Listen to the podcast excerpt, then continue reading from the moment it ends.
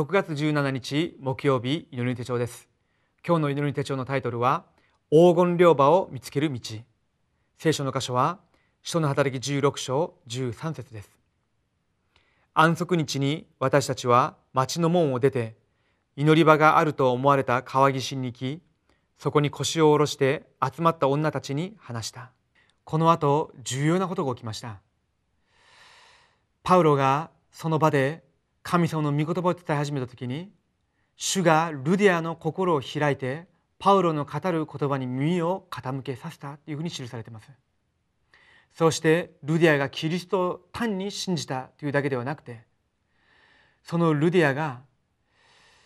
私を主を信じる者と思い出したら私の家に来てお泊まりください。そういうふうにして強いてさせたというふうに書いています。どういうことでしょうか？自分自身がキリストを受け入れて救われたばかりではなくて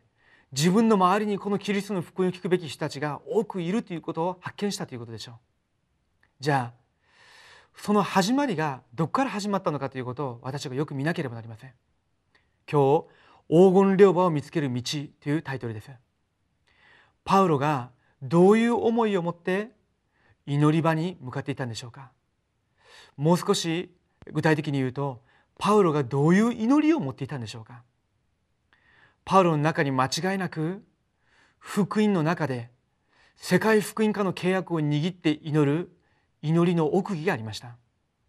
その契約を握って祈る時に神様が重要な黄金両馬の門を開かれるようになりました。今日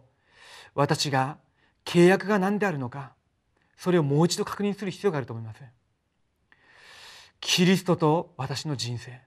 世界福音家の契約と私の人生。それを握って祈りに専念し始めるようになるときに私の周囲に隠された黄金両馬が私のすぐ近くにありながらも見えなかった黄金両馬が開かれるようになります。今日私の歩みを通しながら黄金両馬が見出されてその現場でルディアのような者たちが起こされていく。伝道運動が起きることを祈りながら祈りの手帳を読み進めていきたいと思います。序文を一緒に読みたいと思います。どんな状況にあってもキリストの奥義を味わっているならば神の国が望むようになります。力がない私たちが祈り始めると精霊に満たされる働きを体験するようになります。力のない者には力を与えられると約束され地の果てにまで商人になると言われました。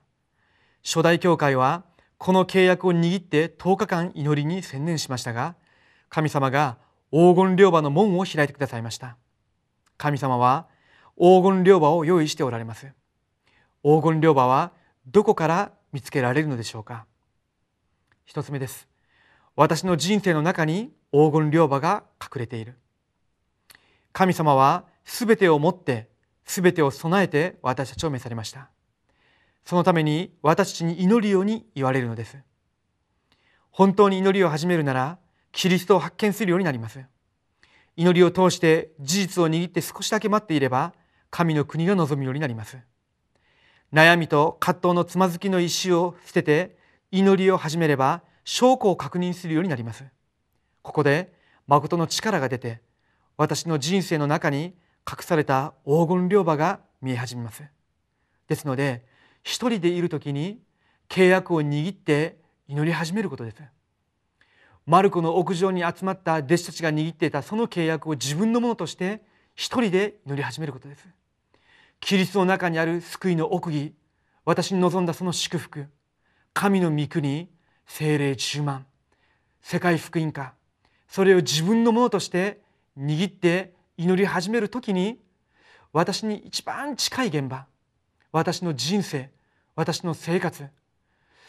その中で黄金両馬が隠されたそのことを発見するようになりますその後から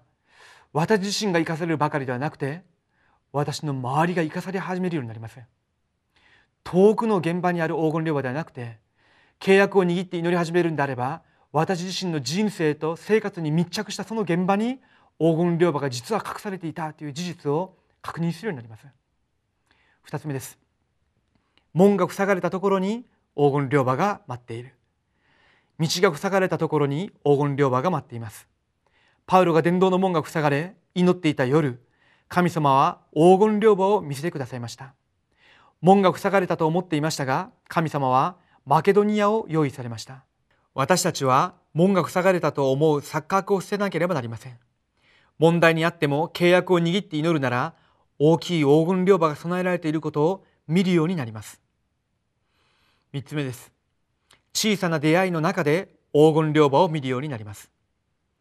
トロアスで門が塞がれたパウロが祈り始めるとマケドニアの門が開かれピリピに行くようになります。そこで祈り場を探していたところ神様が備えられていたルディアに出会うようになります。この出会いを通してピリピ地域に教会が建てられます。神様は出会いを通して大きい黄金両馬の門を見るように働かれました。私たちが契約を握って少しだけ祈りに集中することができるんであれば間違いなく私の人生の中に隠されていた黄金両馬また私が塞がれたと思っていた諦めたその現場に黄金両馬があるということを発見するようになります。そして自分たちが今すでに出会っている人が実際は黄金両馬だということを発見するようになります。黄金両馬の中の黄金両馬は人です。その人が答えを受けるようになると大きな門が開かれるようになるからです。ルディア一人を通しながらピリピ地域に教会が建てられたように。今日私の行く現場で私と出会う人を通しながらどういう門が開かれるか分かりません。期待を持って現場に出ていきたいと思います。では今日のフォーラムの主題です。自分の人生の中の黄金両馬を塞いでいるつまずきの石は何ですか？伝道の働きが起こる自分の現場の中で黄金両馬を見る目が開かれるように祈りましょう。お祈りします。生きておられる神様に感謝を下げます。遠くにある黄金両馬ではなくて今日私にくださったメッセージの通りに私の人生の中に隠された私の生活に一番密着した黄金の両馬を発見させてください。今まで諦めていた塞がれたその現場に神様が隠されている黄金両馬を見ることができる目を開いてくださり私がすでに出会ってきた人また今日出会うようになっているその人たち一人一人の出会いを通しながら神様が黄金両馬を呼びされているそのことを発見させてください。そのために私に契約を握って祈る個人の祈りが回復されるようにしてくださりその時間精霊10万を受けるようにしてくださり精霊10万を受けて現場に出ていくその時間時間ごとに行く現場ごとに黄金両馬を発見し多くの魂を生かしていく伝道者の歩みが始まるようにしてください。生きておられるイエス・キリストの皆によってお祈りします。アーメン。